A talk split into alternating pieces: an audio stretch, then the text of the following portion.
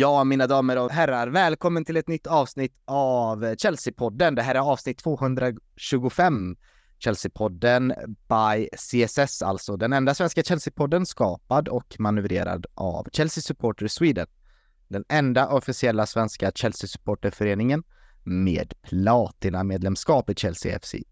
Mitt namn är Patrik Petku och jag har inte varit med här nu i de två senaste avsnitten så har jag fått Eh, ställa mig utanför då jag varit både iväg på resa och haft eh, hög feber hemma. Men nu mår jag bra, är stark och har längtat till att få spela in med min kära, grymma, smarta, kloka, roliga eh, panel här. Eh, vi är inte fulltaliga idag, men eh, vi är ändå en fin trea som ska ta er igenom det här ligacup semifinalvinsten eh, då, eh, returmötet på Stamford Bridge som hölls igår onsdag. Vi spelar in alltså, eller förlåt, eh, igår tisdag. Vi spelar in på en onsdag här då den 24 januari skriver vi in i böckerna. Eh, välkommen Viktor! Tack så du ha! Till podden. Kul, och, kul att göra detta igen. Ja, precis. Sagt, det, det känns som väldigt lång tid har passerat sen sist. Eh, det var du som eh, rattade ett avsnitt och det blir lätt så. Så det händer. Ett par, par veckor. När man är van att göra det varje vecka ungefär samma konstellation så kändes det som väldigt lång tid ifrån varandra helt plötsligt. Ja, och inte bara det. Dessutom har vi varit lite slarviga med eh, självaste avsnitts... Eh, vi hade ju ett bra tempo där med att få ut ett avsnitt varje måndag där Linus, men ja, efter någon gång där vid juldagen så var det mycket röda dagar, nyår och sen januari har varit ett konstigt spelschema så det har varit svårt att pricka måndagar nu. Men vi ska försöka vara lite mer konsekventa med det med start nästa vecka då kanske eftersom vi spelar redan på, på fredag då mot Aston Villa. Jo men så är det Det är mycket förändringar och som du säger det är ett jävligt konstigt spelschema och det gör ju att vi får ju anpassa oss efter det också så jag tycker det här avsnittet kommer ändå ut med så mycket matnyttigt vi kan trycka in så det är ja, det flyter på i alla fall. Vi ja. puffar på. Ja, välkommen Linus du också. Det är alltså jag, eh, Linus och Viktor här som ska ta dig igenom detta avsnittet. Men Linus, en fråga bara just när vi ändå pratar om januari och spelschemat här. Många brukar ju eh, amen, slänga skräp över eh, landslagsuppehållen eh, och så vidare. Jag tycker nästan januari månad är fan de värsta perioderna på fotboll, för det blir något hack i system. Man är van att det ska vara ligaomgång varje helg eller lite midweek, men det är lite halvtråkiga kuppmatcher här och där och är man fotbollsintresserad så så absolut finns det ju matcher att se på, men det, det är någon rytm som förändras, visst är det så? Jo, men så är det ju och eh, eftersom att tempot i december är så otroligt tufft med matcher hela tiden så blir liksom, eh, ja, januari blir något helt annat. Ja, verkligen. Men nu är vi ändå eh, på G här och FA-cupen ska avhandlas, alltså med matchen på, på fredag då med Aston Villa. Sen eh, drar ligaspelet igång också och dessutom har vi Afcon också som gör att det blir, känns extra rörigt i huvudet. Eh, Viktor, har du hunnit kolla någon Afcon? Eh, nej, jag har inte gjort det. Eh, har för en gångs skull haft eh, fullspäckade dagar i, i skolan. Eh, så det är ändå det är ganska schyssta avsparkstider, eh, många matcherna. Men jag följde förra turneringen ganska noggrant och varit lite avskräckt också. Jag tyckte det var väldigt tråkig fotboll senast AFCON eh, avgjordes. Eh, det kändes som att varje match avgjordes 1-0 efter en straffspark och det hände inte så mycket mer. Ehm, så det är kanske, jag ska inte döma eh, varje turnering efter en dålig förlaga, men det har väl tagit emot lite grann och, och kolla just den fotbollen. Mm. Ja, men det jag kan varmt rekommendera. Jag har fått in ett par matcher i alla fall och eh, visst, gruppspelet är strax över här så eh, hoppa in i slutspels eh, matcherna kan jag rekommendera. Asiatiska har jag inte följt överhuvudtaget. Är det någon av er som har gjort det? Linus, Viktor? Inte alls. Nej. Eh, men det har ju varit några stora skrällar det har ju nåtts av eh, ifrån Afcon. Eh, Elfenbenskusten, värdnation är väl på väg ut. Noterar jag. Det var ju också en stor skräll senaste begav sig med Komorerna som gick långt. Så att det är roligt med, med sådana överraskningar i alla fall. Ja, och detsamma gäller ju asiatiska med det. Irak slog Japan bland annat. Och, ja, det är mycket som händer i fotbollsvärlden. Vi får hoppas att eh, den svenska fotbollsnationen eh, orkar hänga med i utvecklingen när man ser de här mellan små nationerna spela bra fotboll. Eh, nu är inte detta en, en svensk fotbollspodd på det sättet vi fokuserar på svensk fotboll utan vi fokuserar på Chelsea. Men det är ändå lite intressant med förbundskaptens eh, debatten som finns där ute, Linus, ändå. Va? Det är ändå lite värt att diskutera tycker jag. Ja, exakt. Det är en intressant debatt och det är många som redan har tackat nej, så det känns som att man är nere och sorterar på de nedre hyllorna nu. Och jag tänkte faktiskt att det skulle bli Mellberg, men eh, ja. Sen kommer Ola Gunnar Solskär på tal, Graham Potter och alltså det... Mourinho. Ja, exakt. Och nu undrar man ju vad fasen blir det? Någon superettan eller division 1 eller? Nej. Men eh, Jens Gustafsson verkar ju vara ett namn nu också. Men ja, jag vet inte. Jag är väldigt skeptisk till det och så mycket talang vi har i landslaget så måste det faktiskt vara en, en tränare som vågar och satsa på det. För annars kommer det bli... Nej, det är gammal Janne-fotboll. Tack för hans tid, men vi är färdiga med det nu. Ja, verkligen. Viktor, hur är din relation till eh, debatten som förs? Eh, nej, men jag slås ju av eh, liksom den bristen på framförhållning från den, den eh, ledningen liksom, i den här rekryteringsprocessen. Hade det varit klubblag så hade man ju stått på barrikaderna nästan och krävt eh, deras avgång. Sen har det ju varit då eh, generalsekreterare som är färsk på jobbet, men eh, eh, ja, det är olyckligt också att det hade kommit ut så pass mycket uppgifter i media om alla som är, alla verkar bli tillfrågade om den här positionen. Det, och, eh, väldigt olika typer av tränare så det känns ju som att man inte riktigt vet vad man vill ha nu. Nej, och det läcker eh, väldigt mycket eh, med från eh, alla rykten med. Så nej, det är be beklagligt, men hoppas att de tar sig tiden nu. Det är inte så att vi har ett mästerskap till sommaren att se fram emot ur svensk håll, så eh, med lite tålamod så istället för att ruscha in i något beslut så, så kanske det är bra att Svenska fotbollsförbundet och ta det lugnt och ta emot kritiken, men sen ta rätt beslut då inför framtiden. För som sagt, eh, som Linus, eh, eh, som Linus sa så finns det otrolig talang i, eh, i Sverige just nu och det måste vi verkligen nyttja och kapitalisera på. Men än idag har vi fått det avklarat. Detta avsnittet ska ju fortsättningsvis bara fokusera på en klubb och det är ju alltså Chelsea, våran klubb här. Och vi kan börja med lite nyheter tycker jag ändå kring klubben. Det har inte hänt jättemycket sedan förra avsnittet, men det är också avsaknaden av nyheter som också kan vara en nyhet ibland. Eh, och vi ska självklart eh, gå igenom vad vi menar med detta. Men lite lånefiasko ska vi eh, prata om då vi har, eh, har recalled många utav våra låne, lånespelare tillbaka in eh, in i klubben och in i truppen då, så det får väl vara våra nyförvärv än så länge nu här i januari. Eh, sen ska vi självklart då behandla eh, ligacupsemifinalen, eh, returen då på Stamford Bridge som eh, spelades igår då mot eh, Middlesbrough, där vi krossade Middlesbrough med hela 6-1. Eh, finns mycket att prata om från den eh, fina matchen. Eh, vi ska också göra en liten koll på transferfönstret, eh, se vad som händer där och vad som inte händer där. Och till sist ska Linus göra en, ge oss en liten införkoll på fa Cup-drabbningen mot Aston Villa som ska spelas på Villa Park. Så ja, vi har ändå ett måttligt avsnitt att bjuda på, så vi kör igång detta.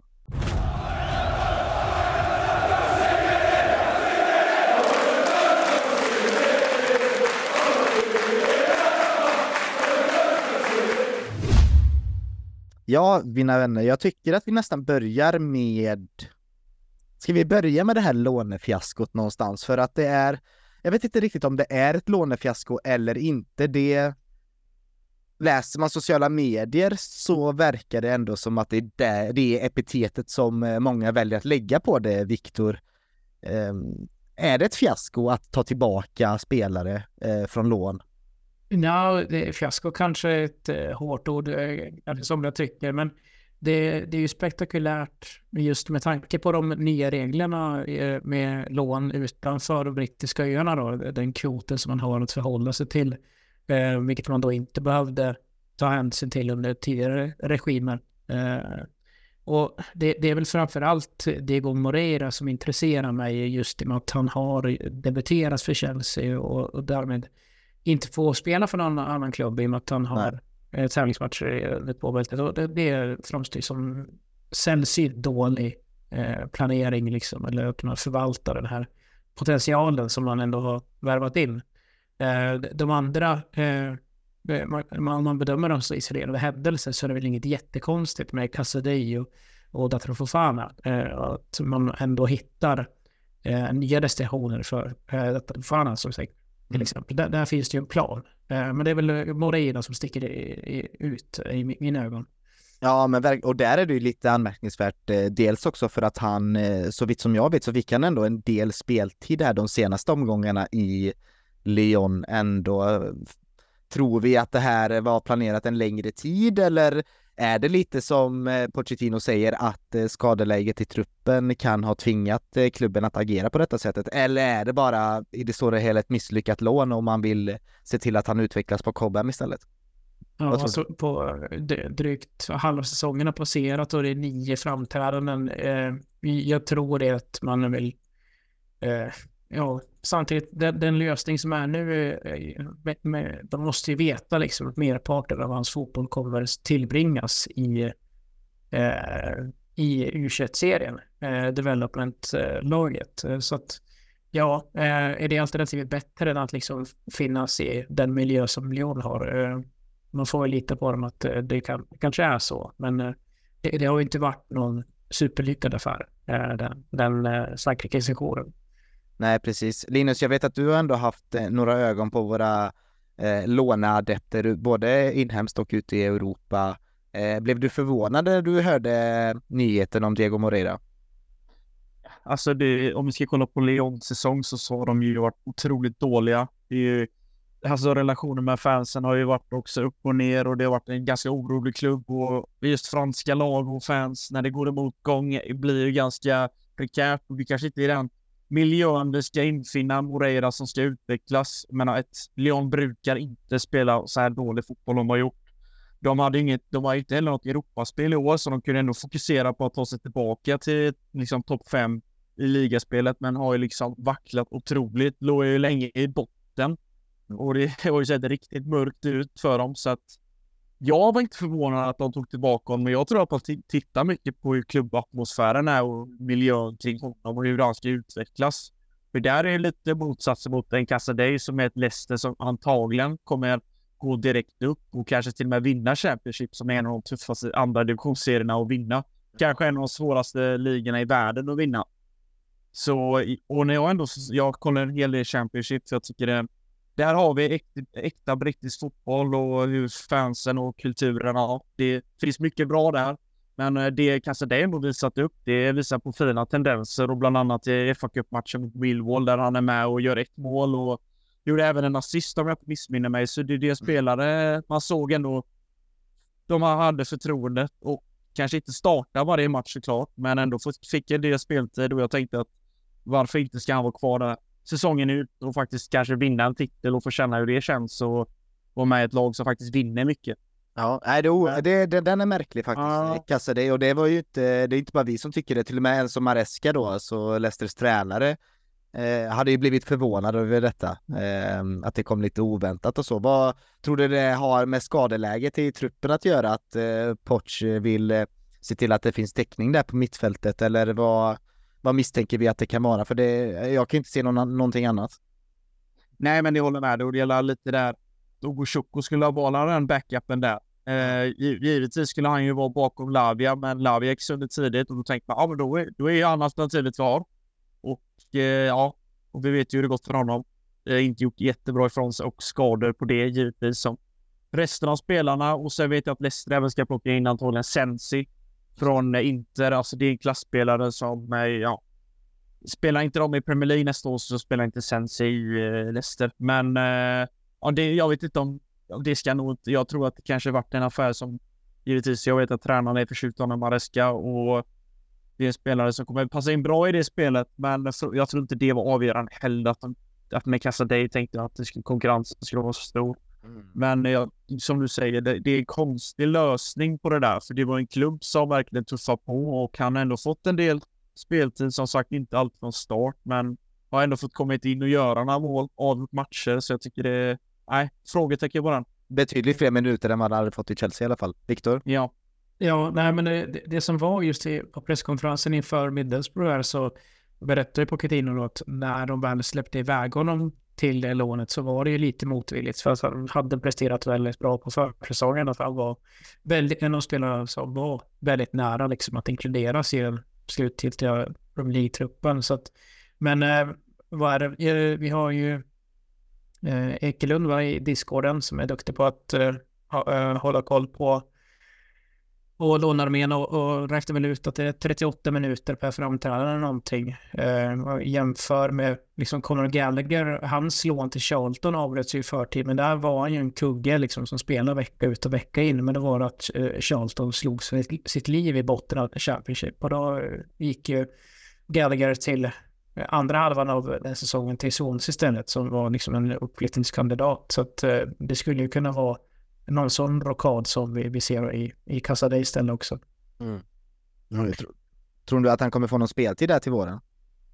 Ja, det är en bra fråga. Sagt, jag, jag tror han å andra sidan, eller till skillnad från Moreira, kan ju lånas ut igen. Eh, oavsett hur varmt Pochettino talar om honom. Men då är det ju som sagt att flytta honom från en kanske lite för konkurrenskraftig miljö i, i Leicester till en något svagare eh, klubb.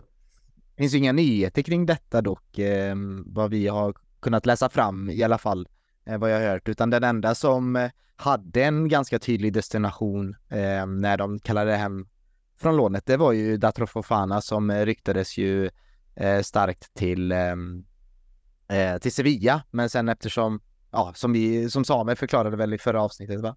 Eh, så var det med att antal platser för utlåningar ute i, utanför England då eh, var upptagna och då blev det ju Burnley då istället. Så där, men där, så där fanns det ju en plan redan. Eh, hade det varit liknande med Cassaday så kanske man eh, hade hört något redan. Ja, väldigt skillnad att åka upp till, till Burnley istället för ner till soliga Sevilla. Ja, undrar vad, undrar vad eh, Mr David tycker om det. Ja, och gällande fortfarande, jag, jag, jag, är lite, jag är lite orolig för hans karriär helt ärligt. Och får jag tänka, får inte han till det nu, eh, Burnley, så tror jag att ni kan eh, jag ser inte han vara med i Chelsea nästa säsong. Eh, jag tror det i så fall är en utlåning till, men då är han ju liksom i ett läge plockar Chelsea in en monsteranfallare liksom antagligen som kommer bli om det blir Oshimen eller vem det blir. Jag, jag, jag ser inte han som andra alternativet faktiskt. Jag är högst skeptisk till det även till nästa säsong och utifrån hur det gick nu i Union Berlin som ändå inför säsongen hade väldigt spännande förväntningar på sig och liksom plockade in eh, Bonucci mittbacken, spelar Champions League, det gick åt helskotta. De går inte bra i Bundesliga och, och eh, Fofana verkar inte ha gjort sig bästa vän med alla i klubben heller. Så ja, hans eh, Chelsea-karriär blir spännande att se om den blir långvarig eller kortvarig. Mm. Ja, enligt kontraktet så har han ju några år kvar så eh, vi kommer nog få se. Det har ju alla spelare. Ja, det har alla spelare. Frågan ja. om han blir en ny Babaraman eller om han kan slå sig in i, eh, i truppen på något sätt. Eh, I framtiden. Vi får se, han är fortfarande ung. Eh, det är för tidigt att, eh, att säga något annat. Men Oskar Ek eh, ställde en bra motfråga här, för jag, jag, jag ställde en fråga ut i, eh, ut i vår Facebookgrupp då som heter då Chelsea-podden by CSS att vi släpper ett avsnitt här på onsdag. och jag bara frågar, vad vill ni alla att vi ska prata om? Är det någon som har någon bra idé? Då ställer jag lånefiaskot? Frågetecken. Är det något vi ska prata om? Varpå Oskar Ek, eh, som har eh, länge medlem, eh, svarar, är lånefiaskot en ny företeelse? Är nog bara en handfull spelare, eh, spelare senaste 20 åren av lånekarusell som faktiskt lyckats med sina lån. Kanske det är bra att Chelsea väljer att avsluta några lån som inte funkat som tänkt, snarare än en svaghet. Um, jag gillade det där, den motfrågan och den mottanken lite där Viktor, för det, det kan ju vara så att man vill vara proaktiva snarare än reaktiva, men jag vet inte om jag har så höga tankar om den här ledningen än att, eh, att tänka det bästa om dem. Men eh, det är ju, eh, ja, jag önskar att det var så som Oskar tänkte. Ja, nej, men det, jag håller med om att det är en giltig invändning just med vad det var för hitrate när vi årligen hade en lånarmé. Det kan man knappt kalla det nu, en lånepluton kanske är vi, vi har att göra med. Ja. Eh, just att eh, där fanns det ju verkliga guldkorn med, med Louis Baker, med Mason Mount, Fikayo Tomori. eh, som gjorde det jättebra. Uh, Shaloba hade några fina lån. Eh, men samtidigt på varje liksom verklig framgångssaga där, där de varit en av lagets viktigaste spelare så var, fanns det ju flera som eh, satt och ruttnade på bänken liksom. Bara att de gjorde det någon annanstans än i, i, i Chelsea. Eh, så att jag kan också gilla det att man är man ställer högre krav på de klubbar eh, som tar emot eh, våra löften. Liksom, att eh, de, de är där för att eh, få speltid och utvecklas, eh, vilket vi inte kan erbjuda i det skedet av karriären. Eh, så att, ja, det, det, det är intressant eh, sagt, med, med vilken etikett man vill, vill sätta på det. Liksom. Men eh, så att jag, jag tycker det är ett par fall som, eh, som sticker ut här jämfört med, med hur det har sett ut tidigare. Mm. Ja, men det ska bli kul att följa utvecklingen i alla fall. Angelo eh, verkar ändå göra det bra där nere, Linus. Det har du ju nämnt flera gånger. Och sen kanske det har blivit en extra stor nyhet också på grund av att ja, men läget som den är i klubben, att det är lite skakigt, att det är mycket frågetecken och att det, att det blir upphausat på något sätt, den här nyheten och att man vill eh, vara väldigt snabb med att kritisera de besluten som ledningen tar här, medan det är kanske så som Oskar säger då, att det är ett eh, tecken på eh, någon form av styrka och att man vill vara proaktiv i, i, i sin talangutveckling. Men vi går vidare och eh, ja, från unga talanger till gamla legender och veteraner inom fotboll. För Thiago Silva säger igår efter matchen, Linus, att han säger ordagrant så här då när han blir intervjuad.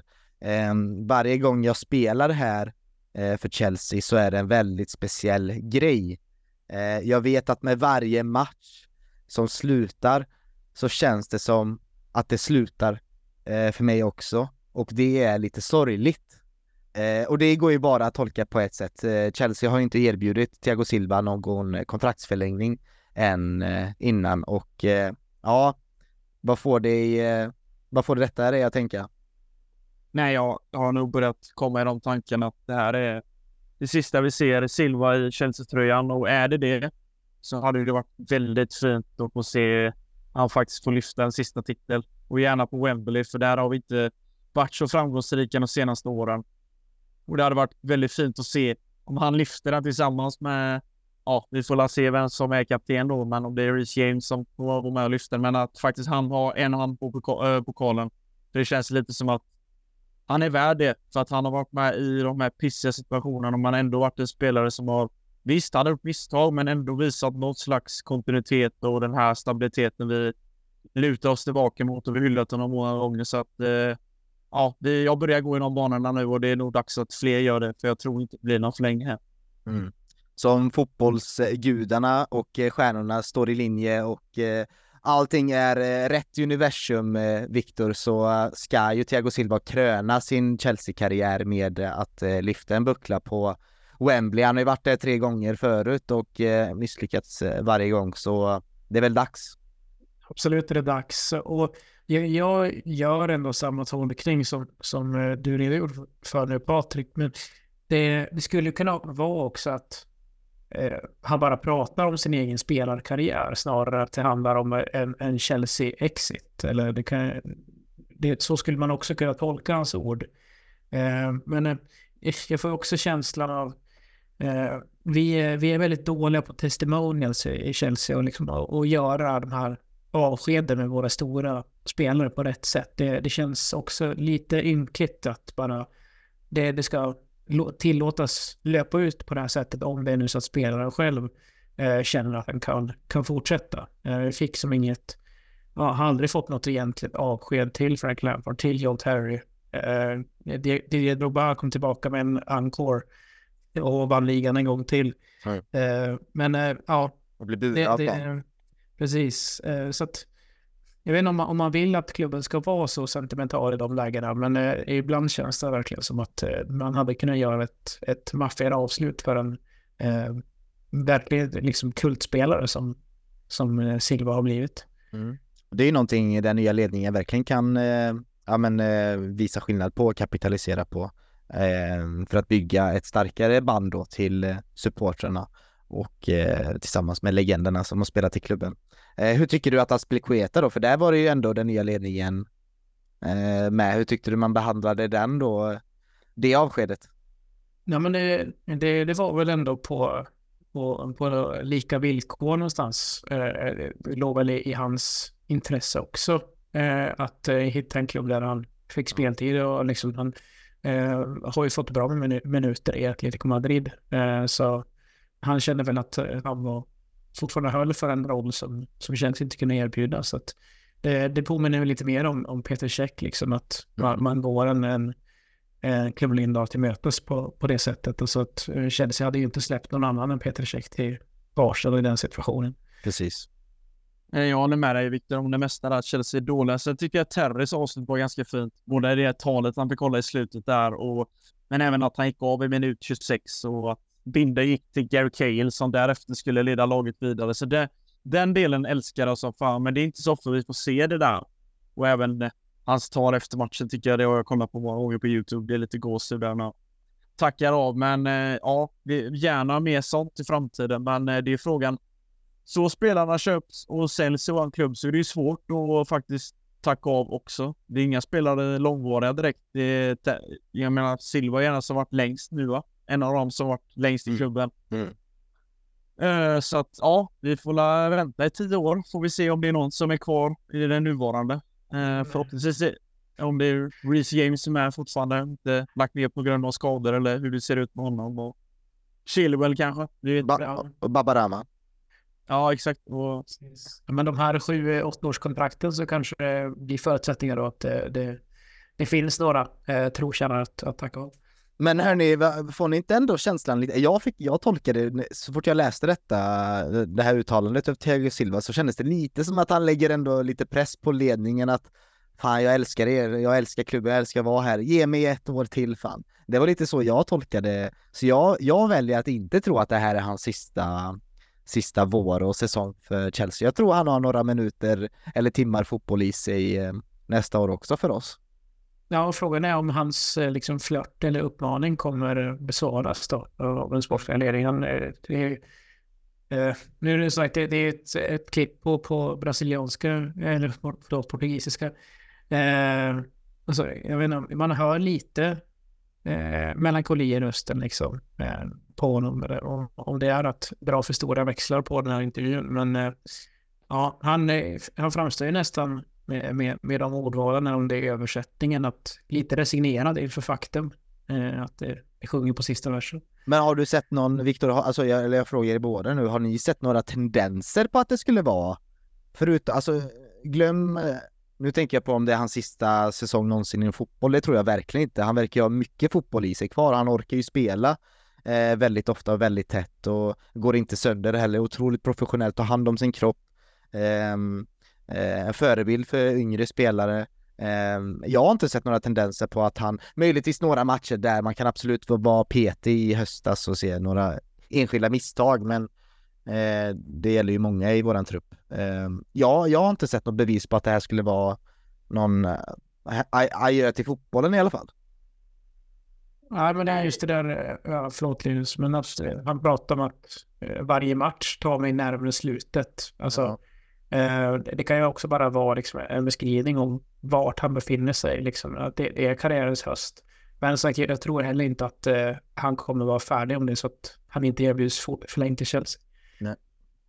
Nej, och jag, ja, men det är bara för fylla i där och liksom man har ändå fattat det att han vill nog avsluta sin karriär i Brasilien och då är det frågan att han fyller faktiskt 40 år och det är inte, det är inte många år kvar då och kanske det det säger för mig kanske då lägligt kanske då att han, det, att han själv, eh, visst det verkar ju ändå som att han visar tendens på att han vill pressa ledningen lite men också kanske att ja, det är dags nu. Men eh, det, jag tror också att det beror lite på hur det slutar här. Mm. Skulle vi säga att vi vinner ligacupen, nu ska vi inte hålla på och jinxa någonting här, vi vet hur det gått innan. Men om vi säger att vi vinner en av kupperna här nu, då kanske han ser det som ett fint avslut och klubben också gör det att vi faktiskt får avsluta på topp och Silva äntligen får vinna något på Wembley. Mm. Eller så en annan tråkig sak så kan det vara det att vi går ja, titellösa ännu en säsong och han sticker. Det hade ju varit ett riktigt tråkigt slut. Ja. Men äh, frågan är, det kanske ger hungern att han vill stanna ett år till. Jag vet inte. Men äh, det hade varit fint på något sätt att vi får hylla honom och genom en titel är det bästa. Ja, i min, i min bok är han ovärderlig för truppen och inte bara, inte bara kvalitetsmässigt men också symboliken i eh, Thiago Silva och det ledarskap han erbjuder. Det är, nej, ja, hans vägledning kommer behövas ytterligare en säsong till för att brygga över den här övergångsperioden tycker jag eh, på ett bra sätt. Eh, men vi får se vad det gäller. Eh, det är som sagt bara några månader kvar innan hans kontrakt löper ut. Vi får se om det dyker upp några nyheter kring Thiago Silvas framtid. Eh, en sista nyhet då innan vi hoppar på Middlesbrough-matchen. Eh, det är den här franska journalisten då, Abdela Boulma som jobbar för RTL Foot och eh, Sports FR och eh, Fifa också. Han säger att eh, ja men Air Jordan eh, som tidigare har varit eh, vad ska man säga, sponsor eller vad ska man säga, broder eller systerpartner till PSG, kan man säga så? För de har ju ändå, det är mer än bara en sponsor, eh, Linus, det har snarare varit ett, eh, en förlängning utav varumärket PSG, eh, kan man väl ändå säga va, ungefär? Ja, jo men det håller jag med om. Det har varit, eh, ja men det har gjort lite, men jag tänker tillbaka bland annat när Michael Jordan, det finns en sån klassisk bild när han står framför Eiffeltornet redan där så känns det som anknytningen till Paris och allting och just med Paris Saint-Germain att det har hängt.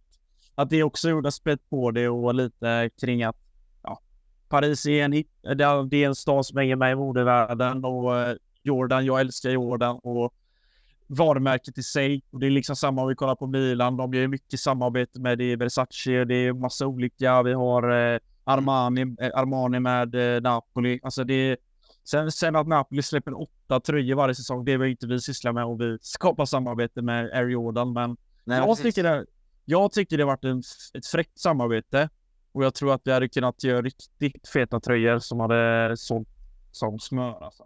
Just det, jag ska förtydliga det bara att de utforskar då möjligheten att kanske eh, starta då en ny relation med en ny klubb och då tittar man, då ska tydligen Chelsea vara en av de klubbarna då man tittar efter. Eh, och det har varit rätt coolt för man har ju förknippat, om du kollar på många unga eh, killar och tjejer idag när de har på sig alltså, fotbollströjor så antingen går de ju runt med sig Haaland-tröjor eller så är det ju liksom PSG-tröjor. De har ju också mm. lyckats PSG att skapa eh, ja men sitt sin line-up som något slags mode, ja men det har blivit förknippat med mode, liksom inte bara hemmatröjorna men mycket annan merch runt om. Eh, det tycker jag ändå de har lyckats bra med. Ja, och det är mycket alltså, snygga saker man släpper mm. också. Det, det är verkligen, man känner att det är tanke bakom sakerna. Och där har vi diskuterat om Chelsea de sista åren, att hur man släpper. Det är väldigt stor skillnad, alltså kvalitetsmässigt på att när vi släpper våra hemmatröjor. Vissa är otroligt snygga, men det är ingen röd tråd direkt. Alltså det är väldigt Nej. upp och ner. Alltså om vi kollar på årets tröja man släpper. En tröja med lite så här, det är lite guldigt. Det är ett eh, klubbmärke som liksom ja, reflekteras så det är lite olika färger i det. Det var inte direkt att förra säsongen osade succé direkt. Eh, kan man inte säga på något sätt. Så att eh, ja, man kanske ska jobba lite mer på faktiskt eh, få fram eh, en röd tråd i tröjorna. För jag menar om vi kollar på en tröja som säsongen 12-13 där man faktiskt vann Champions League året innan och har den här guldiga tröjan vi minns med när man vinner Europa League. Alltså det där är en tröja jag köper rakt av. Att man faktiskt hyllar. Det är klubbens första Champions League-guld eller första Champions League-titel. Klart det ska hyllas och poängteras. Den tröjan köper jag rakt av. Och sen har det varit många tröjor som jag tycker att eh, de kunde vi skippat. Ja, det, det, det här med röd tråd håller jag verkligen med om. Viktor, det här var ju eh, ganska färska nyheter för dig när vi, eh, när vi berättade för, ett, för dig detta eh, strax innan vi spelade in här. Nu när du har fått smälta det lite i strax en timme här, hur, hur känner du kring ett eh, eventuellt samarbete med eh, Air Jordan? Ja, eh, inte så riktigt starkt egentligen. Eh, eh som så, just för, för varumärket. Det är väl bara att det, det lär ju ligga någonting i riktningen i och med att det numera är ägt av Nike. Så att det, det är liksom inget sånt skripta fel. Men Chelsea har ju fortfarande Adidas, så att, eh, hur skulle det här gå till? eh, nej, men det, som sagt, det, det, är också eventuella produkter som ska komma ut. Det är väl inget, det är väl inte mig man riktar sig till kanske med, med den typen av, av merch. Men eh, eh det, det, känns som ett logiskt eh, steg också med, med att vi ska ta kliv på den kommersiella sidan. Eh, att man gör sådana collabs. Mm. Ja, vi får se helt enkelt om det bara är lösa rykten eller om det faktiskt finns ett intresse av både eh, Todd Bowley, eh, Egbali och eh, Air Jordan då. Eh, vi får se helt enkelt. Mm. Jag tycker vi hoppar på eh, något lite mer, ja, något lite mer att ta på och eh, hoppa på Middlesbrough-matchen egentligen som spelades, för den har vi verkligen färskt i minnet och där finns det ju verkligen saker vi kan eh, både bena ut, analysera, glädjas över, men också kanske reflektera lite djupare över. Och eh, Viktor, du skrev ju inför rapporten inför den här matchen. Kändes det som att när du skrev matchen att det var att det var en do or die match? Hade Chelsea kniven mot strupen igår kväll? Eh, ja, men jag, jag tyckte ju det just med tanke på liksom, eller, skämsfaktorn som hade varit om man skulle liksom, under 80 minuter åka ut mot ett, ett Championship-lag eh, och att man var så ur, utskällda som man var i, i första mötet. Sen eh, tycker jag också, eller det skrev jag också där i inledningen på, på den inför rapporten just att eh, det, det var ju ingen katastrofmatch eh, rent prestationsmässigt i mitt tycke eh, på, uppe på, på Riverside Stadium utan Ehm, ja, Palmer har liksom tre eh, chanser som är det kalkylen eh, 0,6-0,7 XG skulle jag nästan vilja sätta på, på ett par av de eh, lägena. Så att eh, så länge han förvaltar ett eller ett par av dem så är ju Chelsea med i matchen på ett annat sätt.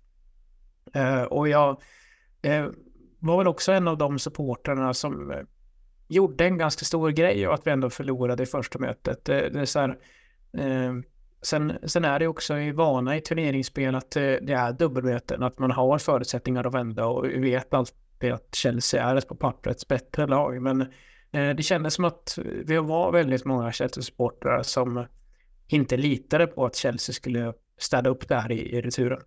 Mm.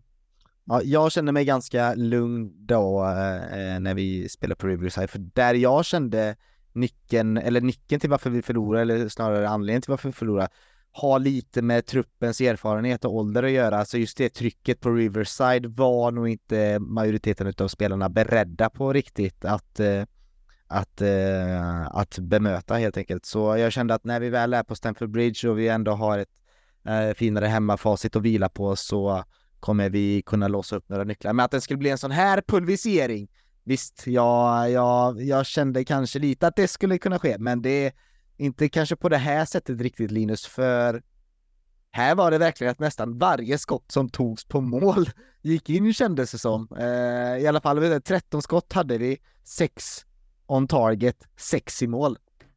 Ja, men det, jag skrev i vår grupp att vi får fan passa på att njuta, för det är inte många matcher vi har stängt och man har gått in i halvlek och bara Ja, ah, jag fick gärna flashbacks till liksom de goda tiderna när man kände liksom oftast ganska trygghet på hemmaplan och kände bara nu kör vi sönder de andra också.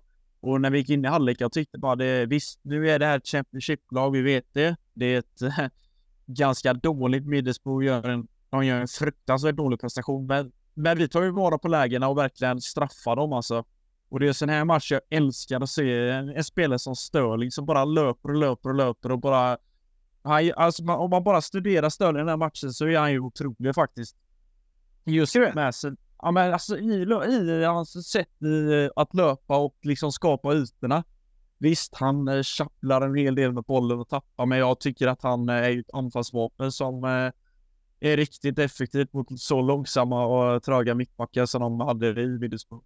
Jag håller med dig Linus, alltså, det kändes verkligen som en, en haj som uh, vittrar uh, blod i vattnet. Liksom. Att, uh, han märkte att uh, Borro var nervösa när första målet kom. Liksom. Att han växlade upp i takt med att uh, matchen uh, fortled. Ja, och vi kritiserar ju ofta Sterling, jag i alla fall, och vi andra här också. Alltså man är ju ofta hård mot honom eftersom vi värvar in honom eh, från City. Det är en rutinerad spelare. Vi kräver mycket av honom. Vi vet att förra säsongen inte blev som han själv tänkte. Och eh, han har ju sett skarpare ut, men visst, han har ju sina stunder där han är inte presterar alls, men jag tycker att man ser ju verkligen hans ja, kvaliteter i typ sådana här matcher. Att han, eh, ja, han är snabb och otroligt bra eh, i de här matcherna mot sådana försvar och det är ju det vi ser. Det är lite så här som vi visste med Hazard att de får inte tag i honom. Lite den känslan fick jag av Störling stundvis såklart inte hela matchen, men det spelar jag verkligen bild också. Mm, ja, nej men det ligger något i det säger för det, det började ju lite trögt där på högerkanten och det enda eh, spännande som hände egentligen för Chelsea i, inledningsvis var ju från eh, vänsterkanten med eh, Ben Chilwell och Enzo Fernandes som hittade varandra många gånger. Men eh, vi kan dra igenom startelvan och då var det Petrovic mellan stolparna. Vi hade Disasi som högerback. Eh, igen, Disasi som vi förmodligen kommer prata en hel del om. Eh, Viktor antar jag. Eh, sen är det Silva och Levi Colwill äntligen då som mittback. Och till slut fick vi se, vi fick alltså vänta till 2024 den 23 januari för att se Ben Chilwell från start eh, för oss äntligen på sin vänsterbacksposition och inte som vänster mittfältare. Ehm, i mitten hade vi Moises Caicedo tillsammans med Enzo Fernandes och sen hade vi ute till vänster Mihailo Modric, Cole Palmer som tia släpande forward, Raheem Sterling ute till höger och Armando Broja längst upp då som spets. Där hade ni elvan och eh, Ja, Viktor, var det någon reaktion här du fick av att se elvan en timme innan eh, avspark eh, som du, eh, som du eh, satt och tänkte lite extra på? Eh, ja, men det var ju just att eh, Conor Gallagher saknades i startelvan och han är ju en spelare som har använts väldigt mycket av Pochettino under, under säsongen, men att eh, nu var det ändå tio dagars vila efter eh, fulla matchen och tänkte att ja, då kommer han gå tillbaka till det. Så det, det var väl egentligen eh, stora förvåningen vi tycker. Jag hade skrivit ett par artiklar också om vart eh, Chilwell hade kunnat tänkas använda så här. Så för mig var det den förväntade backlinjen då som, som kom till start. Mm. Och visst kändes det balanserat och fint Linus med att se att vi har en riktig vänsterback och sen se Colwill i mitten. Det kändes ju bara, det kändes bara rätt helt plötsligt. Ja, det ska ju egentligen vara en en naturlig starter ska få se varje vecka i Chelsea. Ja, vi vet ju det med alla skador och så vidare, men äntligen fick vi se Covil på sin rätta plats och en Chilwell som ser väldigt skarp ut så tidigt efter skadorna och jag tycker att han kan ibland, han har ju varit skadad några gånger, att han kan komma in och vara lite trög emellanåt, men eh, här var en match där han även fått, fått tekniken med sig så tidigt efter all tid vid sidan av, så det känns som att vi verkligen eh, får in ett nyförvärv nästan här mm. eh, vid vårsäsongen som verkligen kommer eh, ja, bli spännande på många sätt. Det är många viktiga matcher vi har framöver eh, och han är en sån spelare som verkligen kan lyfta det.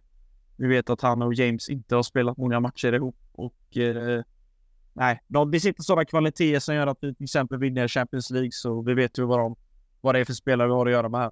Verkligen. Det var ju en sån eh, grej som eh, behandlades i Sky Sports-studion strax innan avspark att eh, just Ben Chilwell och Rhys James har alltså bara spelat 11 matcher tillsammans sedan den finalen 2021. Det är ju faktiskt helt ofattbart om man tänker efter. Ehm, antingen så är Chili skadade eller så är Rhys skadade eller så är båda skadade.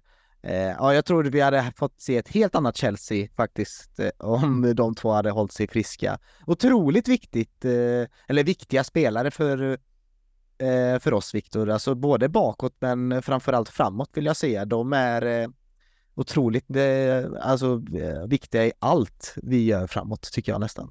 Ja, har jag också sagt i den begränsade tiden man fått tillsammans också haft en förmåga att eh, liksom finnas vid änden på varandras inlägg. Liksom att det har verkligen varit på eh, offensiva vapen som har dragit nytta av varandras färdigheter. Så att eh, mm. ja, det, det, är en, en, dimension som har fattats. Eh, och, och som sagt om vi ska gå över på, på de högerbackar som faktiskt finns tillgängliga. Så just med Disasi, om vi vill eh, prata med det för Mm. När, när, vi har haft fyra mittbackar i, i backlinjen så har det ju varit liksom stabbigt och, och eh, ja, mycket rull i sidled. Eh, och, eh, man, man var rädd för det nu också, att eh, Colby fick gå in i mitten, men istället så flyttades ju Disasi ut på en kant. Eh, men eh, utöver liksom målet som jag tycker gör en jättefin prestation så, så fanns det väldigt många eh, liksom, eh, offensiva intentioner att han han eh, uppförde sig som en, en vanlig högerback egentligen, så det var väldigt, eh, väldigt uppfriskande. Ja, och det är inget nytt för att, eh, att Chelsea ska använda mittbackar som högerbackar. Jag tänker på Ivanovic och eh, till viss grad också Aspelkueta också har ju varit eh, eh, mittback i sin yngre karriär, när han var yngre då i sin karriär. Eh, så det är inget nytt för oss att eh, sätta ut en mittback där. Något annat då, eh, jag vill bara innan det vi, vi hoppade på Disasi eh, mer så tänker jag just på Chili. Jag tycker att, han säger det precis innan eh, matchen med så sänds det en intervju som eh, Sky Sports hade gjort med Ben Chilwell där han säger att eh, han hade liksom en intern fight med Reece James om vem som gjorde flest assist och flest eh, mål, att de sporrade varandra eh, väldigt mycket och gjorde varandra bättre. Eh, det, den, alltså den, eftersom de är så långt ifrån varandra på plan så tänker man inte på att de kan ha den kemin och den relationen med varandra. Men nu när, när man sitter och tänker efter så är de, de verkar vara ganska tajta ändå.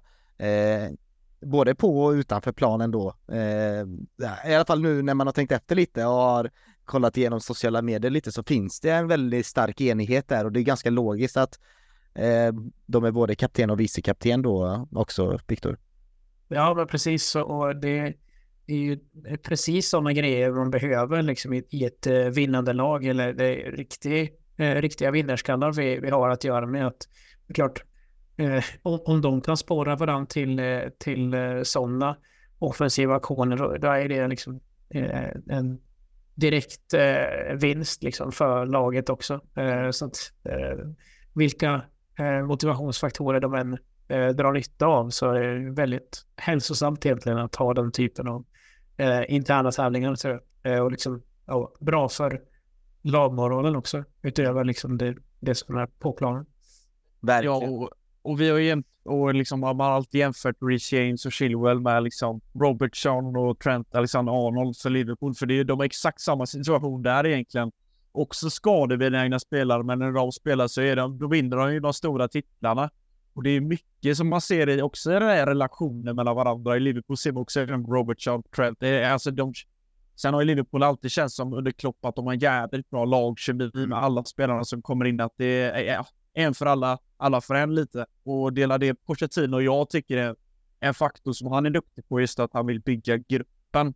Och jag tycker nog det är ju något viktigt i det här med att det köps in så mycket spelare. Då måste man även sätta en kärngrupp faktiskt som sätter standarden på vad Chelsea innebär och det tror jag ju är Reece James och Chilwell är väldigt viktiga i det här bygget och såklart Silva också.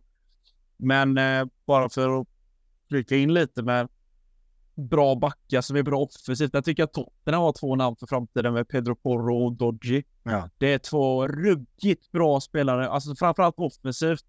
Sen har de, eh, vet jag, Dodgy drog ett rött kort mot oss. De är ju fortfarande valpiga, men eh, där har vi två ytterbackar i Premier League som jag tror kan bli riktigt bra om de också håller sig skadefria. Det finns många bra ytterbackar i Premier League, men de två ska vi nog, eh, de ska man nog se upp för.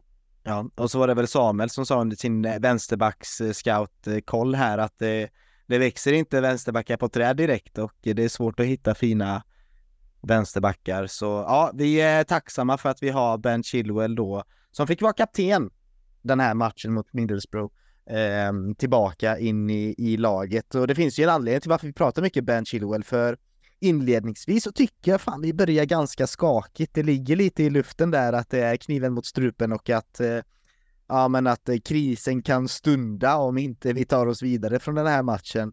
Men eh, då var det just Ben Chilwell, i min mening då, som tog, eh, ja, men tog ansvaret i matchen och eh, drog upp eh, tempot. Jag såg hur han både styrde Colwill och Eh, Enzo Fernandes eh, ehm, ja, framåt helt enkelt och pekade och skrek och eh, det var en riktig kapteninsats tycker jag utav, eh, utav Ben Chilwell Linus och han drog igång det här spelet för inledningsvis såg det inte så jättebra ut för Chelsea. Nej, det var lika skakigt som egentligen på bortaplan. Men eh, vi vet ju att vi har faktiskt börjat känna lite mer trygghet på hemmaplan och oh, matchen gick ju lite längre och så tänkte man att fasen är det en sån här match igen? Ska vi göra en platt match? Men eh, ja, det hände saker och det förändrades ganska ja, snabbt i första halvlek till det bättre. Ja, verkligen. Och det är ju Ben Chilwell som ja, men vinner en, eh, ett motlägg eller en duell egentligen på mitten av eh, den offensiva planhalvan Viktor och eh, driver in bollen och sen med en snygg yttersida hittar eh, Raheem Sterling som, som jag tror då hittar eh, Broja, men det är det inte utan det är Jonathan Houson då som slår in bollen till 1-0. Precis. Eh, det här var ju angelägen om att credda Broja med, med målet där. Eh, ja. Det hade varit välbehövligt för honom, men det syntes ju på, på, på reprisen att det var Hausen igen och han höll ju på att bli olycklig även i första mötet när han gav bort bollen till, till Palmer. Den gången så hade han turen med sig. Nej, men och där någonstans så, så släppte också nerverna, även om det dröjde nästan en, en kvart då till till 2-0 målet. Eh, det, det kändes som att eh, här börjar vi, vi rulla egentligen. Eh, och Enzo eh, långt framskjuten i planen eh, har sina lägen också innan han eh, får, får sätta sitt mål också. Så att eh, ja, det, det är just när han är där uppe liksom nedanför eh, på, på den mm. nedanför straffpunkten, mellan straffpunkten och, och mållinjen då, då är det liksom att vi, då satsar vi. Eh, så det, det var skönt att se. Det släppte lite grann.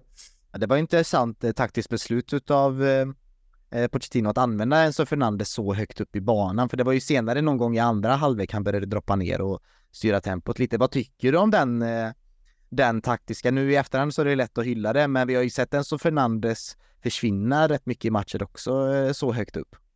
Ja, det, jag vet fortfarande inte vad jag tycker, föredrar egentligen. Eh, det, jag tror det kommer finnas många matchbilder där det behövs någon eh, som är mer tempostark i kroppen än vad Enzo är. För ibland så blir han ju eh, ifrånsprungen. Att det, han, mm. han förlorar dueller just för att han inte eh, är tillräckligt snabb. Eh, och sen just eh, spelar man längre ner i planen så är det ju också välkommet att kunna ta eh, löpningar hemåt. Eh, vara så snabb som det bara går. Men eh, nej, jag tycker det, det var väldigt lyckat åtminstone i den här matchen. Och vi, vi har ju sett honom. Eh, han hade ju ett nickmål också här eh, för inte alls länge sedan. Där, där han kommer på de här eh, sena löpningarna och fyller på i boxen. Så att, eh, det, det är ju ett eh, mönster från våra inrikesfältare som vi uppskattar. Ja. Var eh, målet då Linus, det var ju på riktigt så här Lampard-manér som eh, Enzo Fernandes hittar in i, i boxen efter ett fint förarbete utav eh, Disasi och eh, Sterling då som knackar, klackar tillbaka till Disasi på ett snyggt sätt.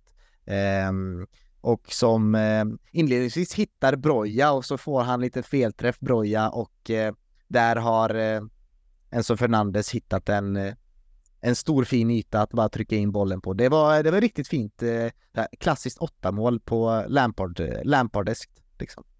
Så var det Det var ju också ett väldigt viktigt mål att få det så tidigt att avdramatisera det lite och den här spänningen att det blir mer pressen på Middlesbrough att de får lite agera utifrån målet och det blev ju passar ju oss precis som handen i handsken för att matchbilden blev ju jädrigt fin och rolig för oss att se som Chelsea-fans. Mm. Eh, en spelare jag vill prata lite om i den här första halvleken då innan vi pratar klart om alla mål, det är ändå Mihailo Modric som Ja, han blir ju serverad chanser här och möjligheter att, eh, ja men att växa, att eh, ta mer ansvar i vårt anfall och eh, bli den här X-faktorspelaren som några eller kanske många utav oss tror att han kan vara för eh, Chelsea, men han var ju helt under isen eh, den här första halvleken Linus och blir rättmätt utbytt i halvlek. Ja, det är hans sämsta prestation hittills i Chelsea. Ja, jag tycker det är helt eh, ja, men det var som jag sa mot Middlesbrough och första mötet. Det känns som att han, han har kopplat in airpodsen igen och kör. Ja, det, han är helt väck alltså. Det känns som att han är på en annan... Va, just det här... Vissa spelare som är liksom i, i nuet, det är, det är som en spelare som kommer på. Men han är ju liksom... Han är helt fokuserad på matchen och är verkligen inne i det. Men eh, Mudrik är en sån här match återigen där han är liksom helt offline. Han är helt... Eh, han är inte påkopplad alls. Och man vet ju att Pochettino vill ju starta i sådana här matcher för att få ut så mycket man bara kan. Att han ska löpa sönder det här trötta försvaret som vi ser Sterling gör utan problem. Mm. Men eh, just hans bollbehandling, det är ju där det sviker honom. De här sticken man får tänka på, yes nu är han förbi. Men ofta då är touchen för lång eller så tappar han, det, tappar han ut bollen. Så det, det är mycket, det är där mycket hänger i att eh, tekniken med bollen inte är där än. Och då är det frågan om man verkligen ska hänga så mycket i gymmet han verkar göra. Det kanske är bättre att vara ute på planen och köra lite mer teknikträning, för det är där jag tycker hans största brister. Jag tycker om den här airpods eh, eh, jämförelsen du lägger, för Viktor, visst känns det som att det var någonting, alltså jag, jag sa ju att han kände som att han var full på plan, att han bara tog felbeslut på felbeslut, visste inte riktigt var han skulle ta vägen och det var Enzo verkligen peka, spring där, gör så. Han höll honom i handen hela första halvlek. Ja, nej men och det är så här, just eh, det är mycket bollbehandlingen som, som sviker honom tycker jag. Att uh, han får ju hjälp av Enzo också i, i passspelet. Han kan lägga sig fram och liksom, mm. det är inte så att han saknar understöd där på vänsterkanten, men uh, ofta nu var, var, det så elementära grejer så att ja, även om du är en ung spelare som kommer in från från Shakhtar liksom, det, det, här måste sitta liksom. Eh, det, om det kan vara en självförtroendefråga eller att han behöver liksom köra teknikövningar som, som 13-åringar gör i akademierna, det, ja, eh, det är lite oroväckande. Och jag tyckte också att det illustrerades liksom med hur svag insatsen var med vilken skillnad det blev när Madueke kom in istället. Okay. Alltså en, en, spelare som hade slag och, och eh, har fötterna med sig. Ja, det var exakt det jag tänkte säga som du nämnde här. Madueke, att det är ju som Donut med att han har ju bollen klistrad i foten. Och ibland så håller han i den lite väl länge, men där är ju liksom, han och Mudryk är ju raka motsatser mot varandra just med teknik med bollen och att ha på foten så nära bollen hela tiden och liksom de här sticken Mudryk gör, det är alltid 50-50. Visst, mm. vissa är ju lyckade, men ofta blir sticket för långt och bollen petas några meter för långt och då kan bli, finten bli helt fel eller så tapp, rinner den ut. Och det är där Madueke är så jävla bra med bollen att det är inte så mycket chansningar. Han försöker dra, ofta drar han sin gubbe eller så kan han spela undan bollen för motståndaren märker ju direkt att det här är spelare med teknik, vilket gör att man, man backar ju ganska snabbt igen för man vågar ju inte bli bortdribblad. Mm. Så ja, hade Mundrik haft en bättre bollteknik så hade han ju varit ett väldigt mycket bättre anfallsvapen för eh, ja, man vill så mycket för den här killen, men eh, det är en del saker som brister och i den här matchen mot Middlesbrough så har han ju världens chans faktiskt att visa vad han går för.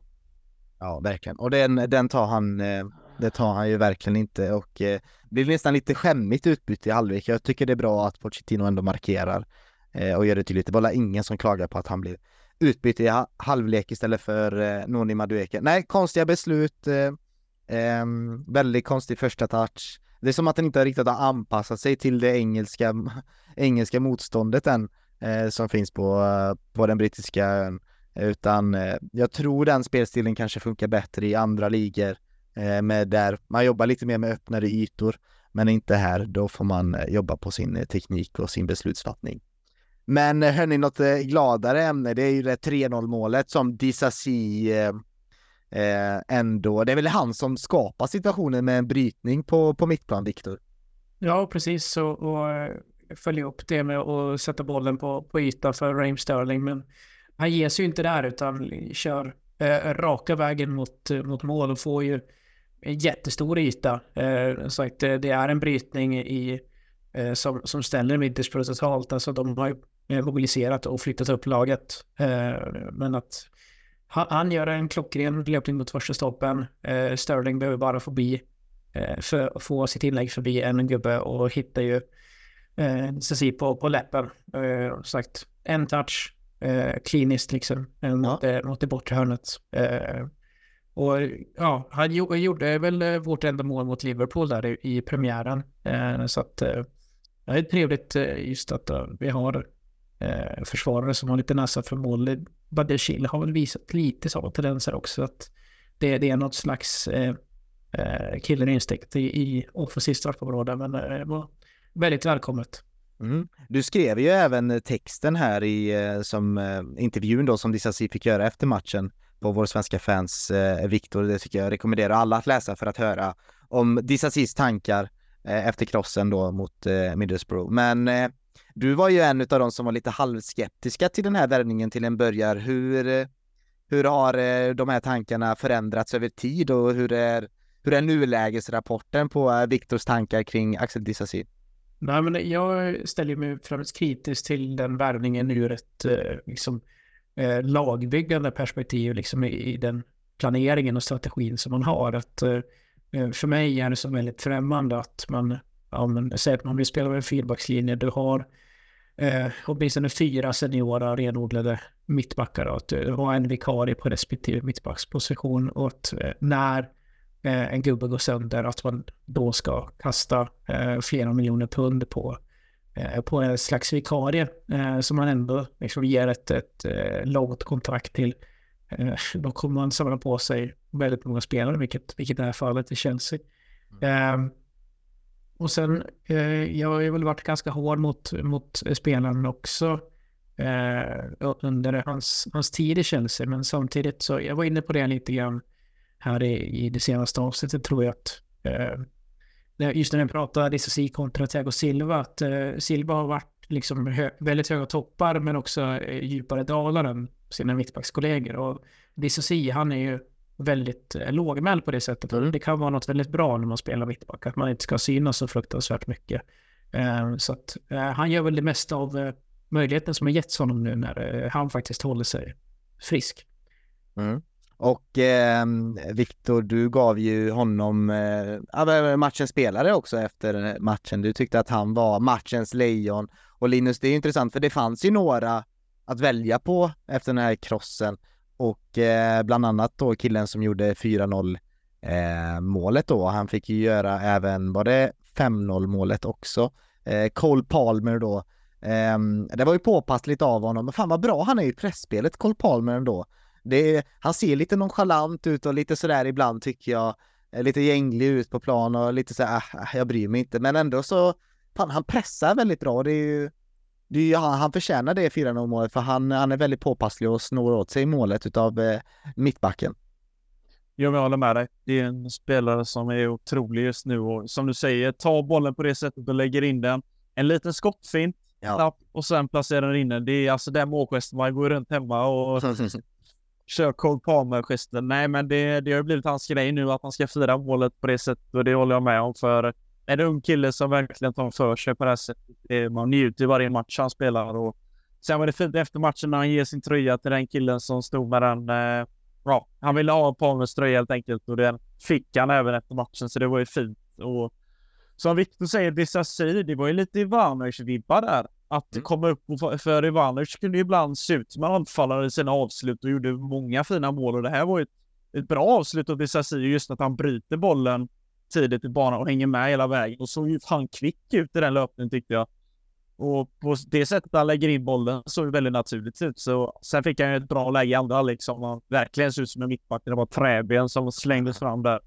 Det var ju verkligen...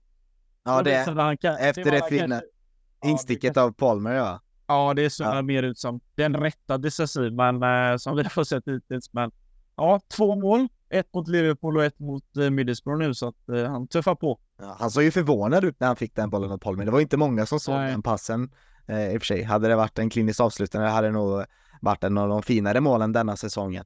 Men nej, Cole Palmer, vad, vad mer ska man säga? Vi har ju höjt eh, hyllningar över honom och eh, vi har ju snackat länge om att det är Conor Gallagher som är årets spelare hittills i Chelsea, men eh, jag vet inte fan om det är Cole Palmer alltså som har tagit över den manteln eh, just nu. Det måste det vara, tycker jag. Alltså, eh, om vi ska se till vad som sker i poängmässigt och det är det vi vill ha. Då är det ju Palmer som verkligen har lyft det där offensiva spelet och är en spelare vi kan både nyttja i mitten och på kanten. Så det, jag tror att, ja, säg inte när vi har han som nia riktigt. Det är lite Havertz-vibbar. Det är bättre att vi har honom bakom anfallaren eller på kanten då. Men mm. eh, ja, som sagt, det är en spelare vi verkligen älskar att ha i klubben får bygga ett nytt gästhus för att få plats för alla män över matchutmärkelser nu. På. Ja, mm. exakt.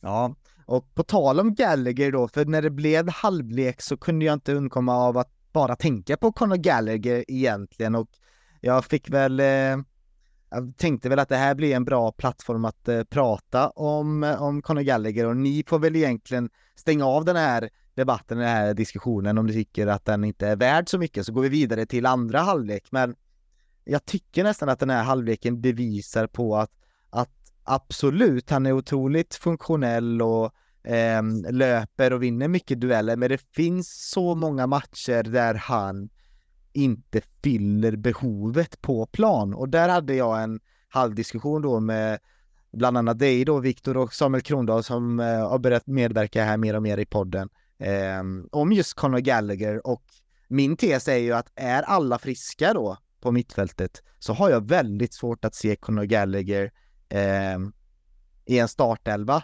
Men då fick jag ju världens största håll klaffen andra halvlek utav Conor Gallagher där han kommer in och gör två assist eh, och eh, verkligen eh, ja, men ge svar på tal för en av min, min största kritik var ju på att han inte, alltså att han måste vertikalisera sitt spel mer och vara lite mer avgörande i den, eh, i den sista tredjedelen och det var han ju verkligen, även fast den andra sisten var lite enklare så var det ändå en eh, direktpass upp till eh, Madueke.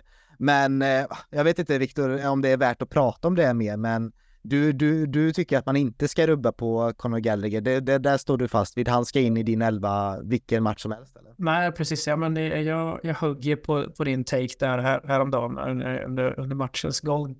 Eh, och, men det, det, är ju en eh, vettig fråga att ställa just med tanke på vilka resurser ledningen har, har lagt nu då på, på andra mittfältare än Conor Gallagher. Att det, det handlar någonstans om att skydda sina investeringar och liksom kanske de spelare man bevisligen eh, tror på. Liksom. Det, det kommer bli tjockt eh, när en kung kommer tillbaka. Liksom. Och vi, har, eh, vi ska ha två miljardmittfältare på planen, vilket Gallagher inte är. Eh, så att där, där, finns det ju ofrånkomligen en prioritering. Ja, Ja, exakt. Eh, det finns prioriteringar att göra liksom med, med de, de eh, resurser man, man har investerat. Eh, och, så det, det vore väldigt verkligt om man inte använder dem när man har lagt stora pengar. Så, så ur den synpunkten så förstår jag att man, man ställer sig den frågan och jag tänker också liksom betrakta det utifrån kommer nog med den invändningen. Men det, det är sannolikt att Gallagher säljs en, en vacker dag.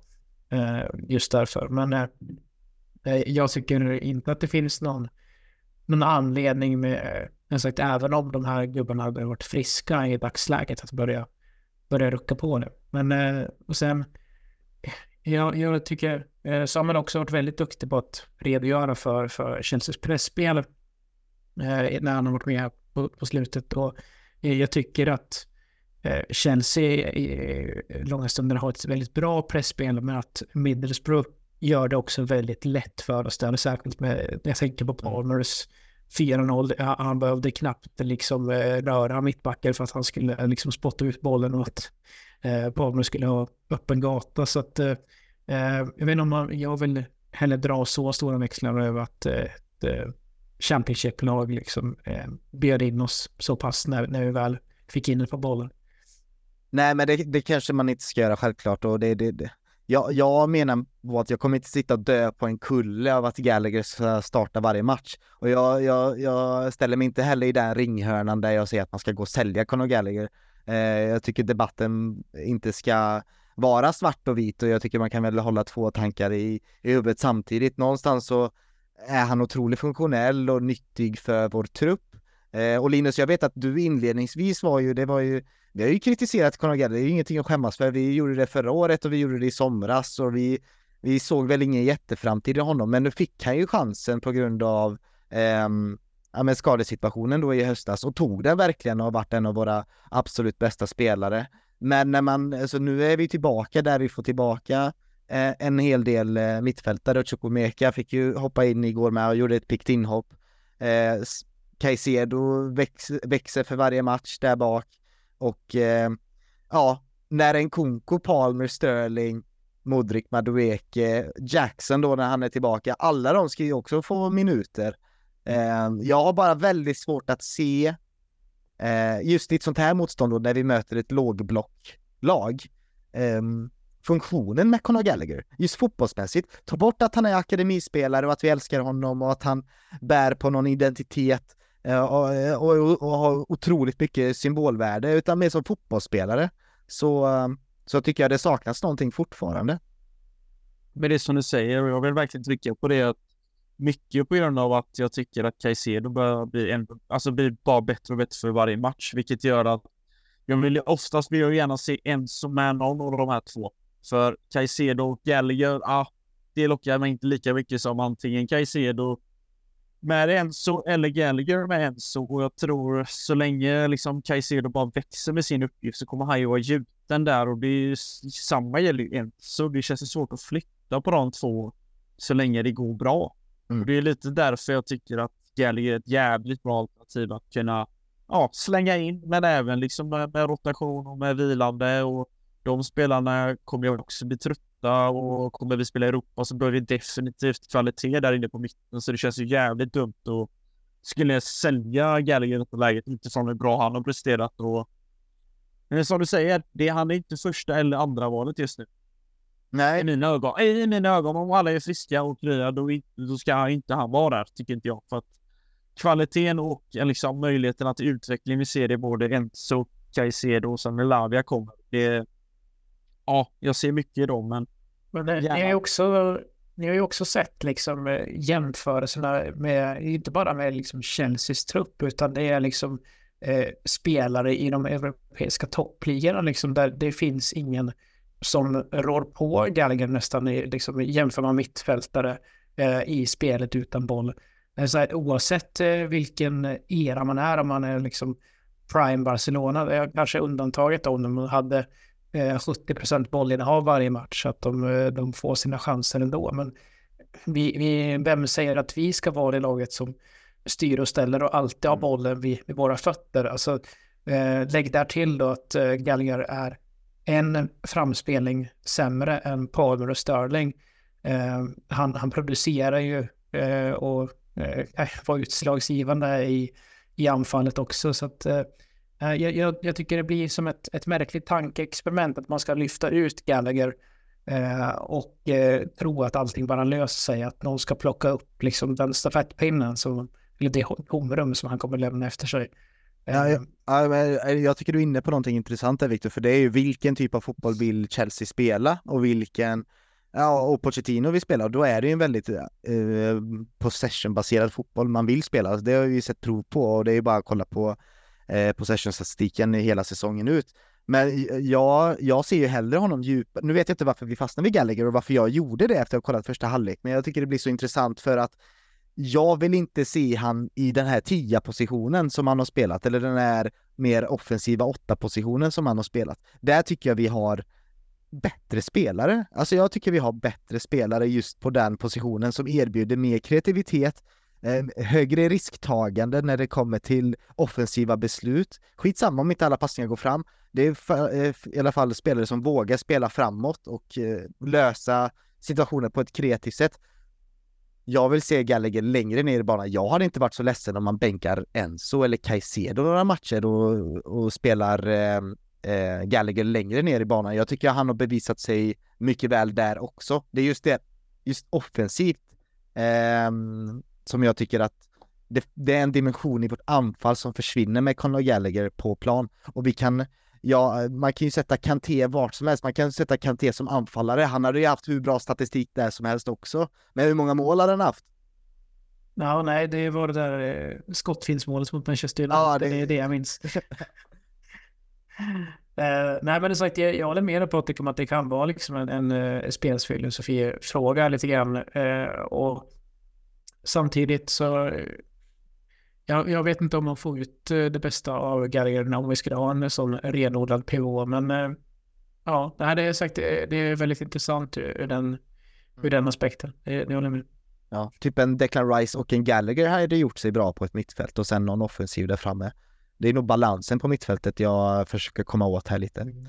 Men, men det var ju, ja förlåt, eh, men det måste ju ha varit José Mourinhos liksom, älsklingsspelare ja. i 14-15 upplagan var ju Oscar. Liksom. Det, eh, han, det, där har vi också en helt annan filosofi, men att eh, det, det handlar om defensiven och liksom defensiven som byggs med anfallet. Liksom. Eh, Oscar liksom, blev ju någonstans från att vara liksom, samba killen som, som ger bort Pirlo så vart han ju en väldigt nyttig spelare. Liksom. Framförallt i spelet utan boll liksom, på vägen mot en ligatitel. Ja, verkligen. Också Ramirez, också väldigt liknande spelstid där med eh, faktiskt. Men okej, okay, vi, vi släpper Conor Gallagher där. Han kommer ju förmodligen starta mot eh, Villa eh, och förhoppningsvis då så ger han mig och alla andra som fortfarande tvekar på hans offensiva attribut en stor käftsmäll hela våren ut. Eh, det hade varit kul och liksom, eh, det hade varit jätteroligt faktiskt att bänka Caicedo och bänka Enzo eh, oavsett prislapp. Eh, även fast det kanske låter som en, eh, som en dröm. Men andra halvlek drar igång och efter några byten eh, Linus där vi får då se Alfie Gilchrist komma tillbaka. Nu får han inte bara 5-10 minuter utan han fick eh, hela 25 minuter på plan då inklusive eh, stopptid. Eh, vad tycker du om hans inhopp? Visst, alltså det är ju svårt att inte älska Alfie alltså. Ja, men jag håller med dig. Sen ser man ju att passningsfotboll kanske inte är den bästa. Nu, eh, innan har han ju safeat många passningar, men nu fick han några lägen och visade upp lite mer avancerade passningar och de satt han inte riktigt. Men eh, gärna nog mycket om att hans adrenalin är nog till 100 procent och han är verkligen allt när han kommer in och det är kul att få se honom igen.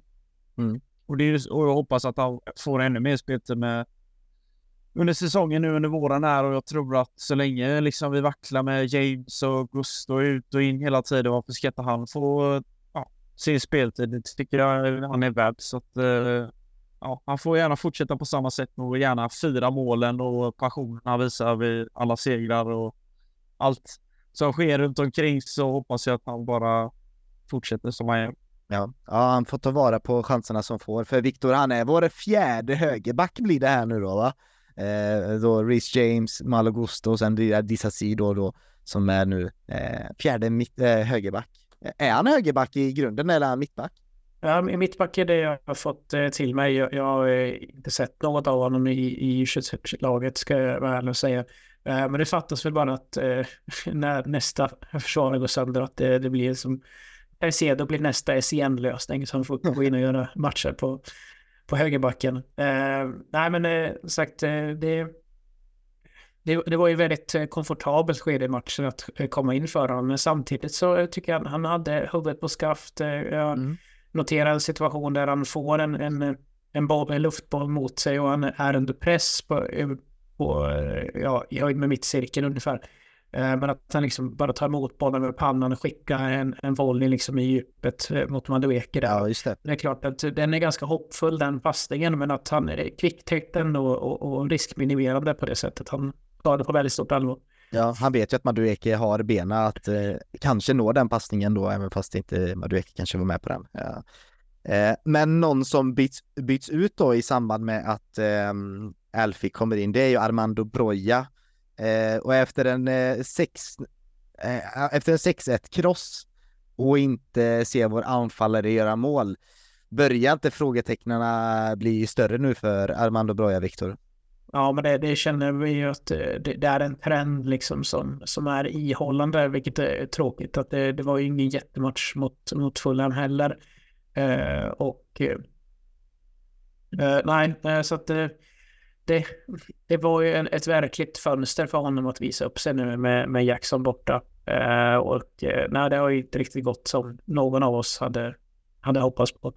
Nej, nej tyvärr. Men som sagt, Gallagher in då den eh, 65 istället för Armando Broja och han assisterar snyggt då efter fint förarbete på eh, vänsterkanten eh, ut till Cole Palmer som är fel fot Linus sätter in den snyggt. Eh, Ja, alltså det är direkt, det är snygg vinkel han får in den där med högerfoten. Ja, det är det verkligen. Det är klass och det är... Ja, det är skönt att få se att vi gör så. Eh, ja, men det är många snygga mål i den här matchen. Alltså det är många fina avslut och det känns som att eh, spelarna var trygga i hela, ja men i situationerna. Alltså, För innan har det varit så många lägen i matchen man bara skjut tänker man hela tiden. Det ska alltid spelas en extra pass eller så tappar man den men nej det fasen, det, det är kul att få se sådana här avslut och att det känns som att vi på hemmaplan börjar bygga upp någonting spännande här nu. Visst, det, vi kan se över motståndet, vad, hur vi har fått de här segrarna och faktiskt byggt upp en vinnande, vinnande streak på hemmaplan nu under Pochettino som vi verkligen kan få njuta av lite. Ja. Därför, därför gärna fortgå. Ja, gärna fortgå ja. Och det är kul också när han, eh, när Palmer trollar där med med Hackney med ute på vänsterkanten. Det var vackert att se. Ja, har man sett många repriser på idag. Och sen till slut då fick eh, Noni Madueke eh, göra eh, 6-0 då. Han fick också nätet till slut. Sen fick vi inte hålla nollan då, utan Rogers hittar eh, stolperoten och eh, slutsiffran blir alltså 6-1. Eh, alltså vi är i ligacupfinal. Ska vi, ska vi, eh, vill ni ha några avslutande ord om matchen eller vill ni börja tänka på Wembley och titta framåt, Linus?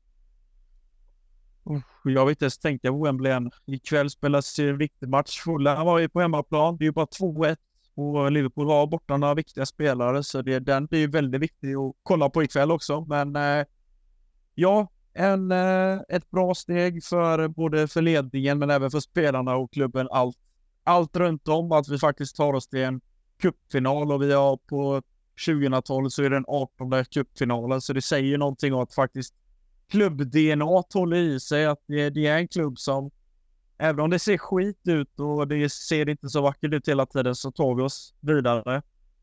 Bortsett från förra säsongen. Mm. Så eh, ja, det, vi tuggar på och det känns som att en final kan allting hända och varför ska vi inte bryta den här jävla trenden vi har på Wembley nu med... Nu har vi inte Mount kvar Nej, just det. Vi, vi ska inte kasta skit på Mount här kanske. Men Jonas han inte. Kom igen. Ja, jo. Fan. Nej, fan vad gött att han, är, att han inte är med här och ska Ja. ta den här titeln. Och... Nej, men det, det, det känns... eh, Det känns bra, men det är lite lustigt därför att just efter, för det var ju ändå ett förväntat resultat och inte kanske 6-1 då, men i alla fall att vi skulle gå vidare. Eh, sett till odds och vad man, alltså Chelsea och Middlesbrough, det är ändå ett Championship-lag och Chelsea är ändå Chelsea-Viktor. men det var ändå, det var en lite lustig känsla måste jag säga ändå efter slutsignal. Visst, Madness spelas på, på Stamford Bridge och folk är glada, men det var inte den här totala euforin och wow, eh, vi är i final och eh, inte riktigt etablerat den relationen med fansen än det här laget, Viktor. Med en titel så tror jag att vi kommer komma varandra mycket, mycket närmare, men det, det krävs nog en titel för att eh, relationen ska bli bättre. Ja, nej men det är såklart. Det är klart att laget har eh, eh fansens stöd och att liksom man struntar väl i hur det går till egentligen så länge man tar sig till Wembley. Så det, det var ju nå- något väldigt eh, märkligt som fattades förra säsongen när vi bommade det. Vi har ju som varit bofasta där. Eh, Men jag, jag, gillar ändå liksom att det, det kan vara ganska sansat även fast man säkrat ett avancemang. Man, man hade en uppgift eh, att utföra efter att ha torskat första matchen och, och löste det med besked. Eh, Så att eh, det är back to business här också med eh, fredagens eh, fa Cup-match. Mm, verkligen. Men eh, det spelas ju en annan eh, stormatch. Vi, vi tackar så mycket för den, eh, den uppvisningen igår då, den 6 uppvisningen. Tack så mycket för det. Det var skönt att se sex mål eh, gjorda. Men det finns ju en annan eh, ganska stor match här nu då för, eh, för damerna va? Som spelas eh, as we speak mot eh, Real Madrid i Champions League. Precis, eh, det är ju Chelsea toppar ju gruppen efter att ha kloppt tecken där eh, i, eh, strax före jul. Så att eh, nu handlar det om att, befästa den, den eh, ledningen i, i gruppen och baserat på bortamatchen i Real där vi skulle ha fått med oss alla tre poäng så är det ändå med en ganska god känsla som man går in i, in i den här matchen. Mm, verkligen och eh, dessutom också efter eh, Lawrence James uppvisning eh, i, i helgen mot United. Berätta Viktor, vad fick vi se? Nej, men det var ju en eh, stor match, eh, Stafford Bridge då också. Eh, så att eh, det var 20 000, så åtminstone halvfullt. Eh, när det var mot Liverpool på, i ligan så var det väl eh, omkring 12 000. Så att, eh, ja, bara där. Vi, vi har en del att, att göra när det kommer till eh, biljettsiffror där. Ja, Arsenal har lyckats bättre med sina evenemang eh, i den aspekten. Men eh, Laura James som sagt, eh, hennes stora show. Mm. Eh, ny frisyr, eh, även om, om Linus har noterat och får, och får recensera. Jag såg den. Eh, eh, men eh, ja, hon är tvåfotad. Eh, Björn spelar fram till det andra målet jättefint. Hon liksom väntar in bollen och så sen drämmer hon till en perfekt på halvvolleyn. Och hade ju, ja, nej, men det, det var James show verkligen. Och det var inget snack om saker igen. United fick in sin reducering före paus. Eh, men men det, det var ju Chelsea som var det klassade bättre laget i, i mina ögon. Eh, och det, det här kommer ju vara historien när det här avsnittet publiceras. Men eh, James är ju bänkad faktiskt mot, mot Real Madrid här nu.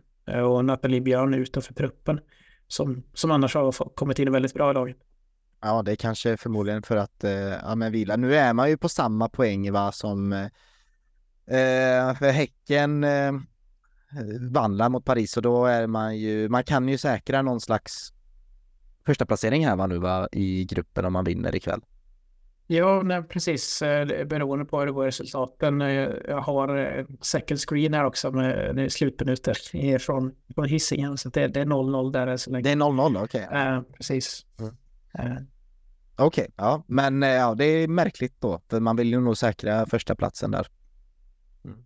Eh, och, ja, nej, sagt, det, det var en eh, historiskt märklig offside-avblåsning där eh, i, i, i första mötet mot, eh, mot Real Madrid. Så att eh, vi har revansch att utkräva. Och de har ju gått tungt alltså. Eh, det, det är ju deras enda poäng som de fick med sig. De har ju torskat eh, både mot, mot Paris och Häcken eh, sen dess. Så att, eh, nej, det, det är goda förutsättningar, säger. Eh, Vill ni ha betyg på frisyren eller?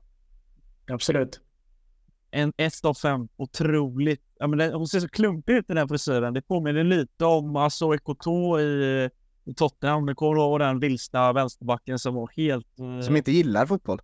Nej, och det var så jävla... Jag läste någon story back in the days. Jag kommer inte ihåg vilken spelare som eh, sa det, men det var någon lagspelare jag såg Ekoto. Han hade ju noll koll på vilka matcher de skulle spela. Var någon de skulle möta, om det var United eller någonting på bortaplan. Han hade noll koll att det var de de skulle möta. Han bara satt på bussen. Ja, ja, då åker vi. Men eh, ja, eh, ett sidospår. Men eh, lite liknande frisyr som honom och jag tyckte inte alls den var passande. Nej, jag, jag håller med. Alltså, jag gillar att hon har kvar det här str- ljusstråket i, i år. Ja. Den, den knut hon hade innan eh, föredrar ju absolut. Så, Ja, men kul, men då har man ändå befäst någon, eh, jag kan inte säga en trygg ledning, men ändå en, eh, en trepoängsledning där över City i, i ligan, Viktor. Det, de tuffar på bra där. Det är en förlust de senaste fem, annars ser det väldigt bra ut. ja, precis. Och hur lång är eh, sviten nu? Eh, vi har så otroligt många hemmavinster i rad. Är 27 stycken eller någonting. Ja, det är Eh, det, det är en, eh, jag kan ha fel där på sista siffran, men det är över 20 i alla fall. Så att, eh, nej, och, och i Women's Super League har man inte råd att förlora många matcher om man ska vinna. Eh, så att, men det, det är medvetna om efter att ha tagit de fyra senaste bucklorna. Så att eh, det, det är god känsla. Mm, snart halvvägs genom säsongen då, eller kanske det är det precis. Och vad, vilka ser du skulle kunna vara de, vilket lag skulle vara det största hotet till Chelsea i, i denna säsong, skulle du vilja säga? Ja, men det eh, Arsenal Är det Arsenal? är fortfarande att räkna med. Eh, de väntar ju fortfarande på att få igång Midema. Eh, och, eh, men Mid verkar ju vara i, slag. Sen vet jag inte om, om Chelsea är färdiga i silly season. Det snackas om... Eh, jag så, såg nu att eh, Dassen som har sändningsrättigheterna till Champions League här, att det var snack om Lena Oberdorf från Wolfsburg och en colombiansk forward från Levante som ska vara väldigt duktig. Eh, om det var, eh, heter hon Ramirez. Eh, så att det kan hända grejer utöver Nathalie Björn. Sagt Curry trasig och, och allt det där. Så att Chelsea ligger i förarsätet och fortsätter gasa av allt att döma. Mm. Så ja, en viktig match här nu medan vi pratar då ikväll mot Real Madrid, men det kanske blir en enkel uppgift och man kanske vilar då eh, Lauren James eh, och Björn då inför mötet mot Brighton som redan är på lördag. Eh, så ja, det, man vill nog tuffa på i VSL. Även fast man, jag tror någonstans att man självklart vill ge ett Hayes ett, eh, ett Champions League innan hon eh, lämnar. Men vi säger så och går vidare till del två, eh, rast här.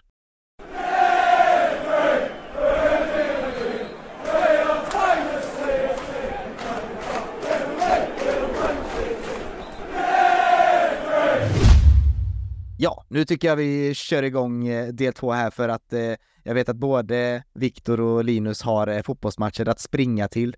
Eh, det är dessutom jag med då. Men eh, vi ska se här. Ska vi prata lite silly season eller finns det någonting att prata om Linus? Det är ju någonstans det som är som är intressant. Eh, om det finns några nyheter eller om det inte, eller är det Kassa Day som blir eh, januarifönstrets eh, nyförvärv på något sätt? Nej, vi satt ju här inför avsnittet eh, innan vi skulle spela in här. Ja, fan, det är ingenting som händer. Men när jag bara slängde upp min Twitter under vi spelar in här så kommer Matt Law med otroliga nyheter att om man säger John eller Joe Duran, alltså anfallaren i Villa, ska vara ett alternativ som Chelsea ska rycka i. Ja, Det, är, det är ju någonting som skrämmer mig. Det jag här, hörde lite om det på det här London is Blue podcast att han Ah. nämnde det, men jag trodde inte det var sant för 36 minuter så släppte Matt Lord detta att Chelsea kanske blir, att kommer lägga ett bud på Duran då och det blir passande när vi ska möta dem på fredag. Eh, om han, vad som sker tills dess, det kan ju hända snabba grejer, det vet du, det är Chelsea vi pratar om. Men eh, det är inget anfall, det är inget anfalls, anfallsalternativ som jag riktigt, eh, ja, rycks av och tycker att det verkar så intressant. Nu har inte jag jättebra koll på när jag har sett några inhopp från honom i Villa. Visst, det är en kraftfull anfallare, men som någon skrev på Twitter, det är ju lite så här broja-vibe att eh, ja, 50-50 om det kommer gå vägen och man skulle plocka in honom. Och jag tycker det känns fel, för vi har en Jackson typ som är samma sitt som en sån ung spelare som eh, behöver speltid. Ska vi plocka in en till sån spelare och så har vi en ko-ko på det. Ja, jag är skeptisk, men eh, det är i alla fall väldigt färska nyheter som jag kommer med nu. Men annars överlag så är det ganska ja, lugnt. Ja. Matlå är ju Chelsea-korre, men han är ju Aston Villa-supporter, så det måste Ja. vara jobbigt för honom att skriva ut den rapporten kanske. Ja. Men jag vet inte vad han tycker om just den spelaren. Nej men han, Nej. eh, han- han sa det i London i Blue Podcast då när de gör sån här Matlow special ibland när han får bara ranta om de senaste nyheterna och senaste ryktena och sådär. Och då sa han att han själv var väldigt förvånad över att han hade hört om detta ryktet och han förstod inte alls riktigt var det kom ifrån för att han, eh, han själv inte hade sett honom spela särskilt mycket då och eh, tycker det är ett mycket märkligt val ifall Chelsea skulle gå efter John Duran. Jag vet inte om Matt Lowe har eh, eh, scoutglasögon på när han säger det eller om han ville behålla Aston, eh, John Duran till Aston Villa men jag vet inte, jag tänker precis som du eh, Linus att Ja, det, det är mycket märkligt. Eh, och att det kommer lite från ingenstans med, det ja, jag tar hellre Benzema på sex månader om det går att lösa. Mm, alla dagar i veckan. Eh, skulle du vilja ha en Benzema? Ni kanske pratade om det förra veckan, eh, Viktor? Ja, vi pratade lite grann om det. Eh, och det, jag har inte sett någonting av honom, men eh, jag, spontant så tycker jag att eh, det, är- det är ju inte alls länge sedan han var liksom världens bästa nia. Eh, Just det. eh, Nu minns jag att du liksom, sa det förra veckan också. Så att, eh, ja, nej, re, så rent sportsligt eh, är det intressant, men eh, nu, nu har, jag har jag tagit del av liksom en del andra rapporter som gör lite avskräckande just att han, han verkar ganska mätt eh, så och eh, eh, kommit in liksom i saudiska ligan tempot. Men eh, ja, nej, jag, jag tror inte att det kommer bli av. Det känns som att det har svalnat de rapporterna. Det Skrivs om Lyon va? Comeback Mm. där för dem också så att ja.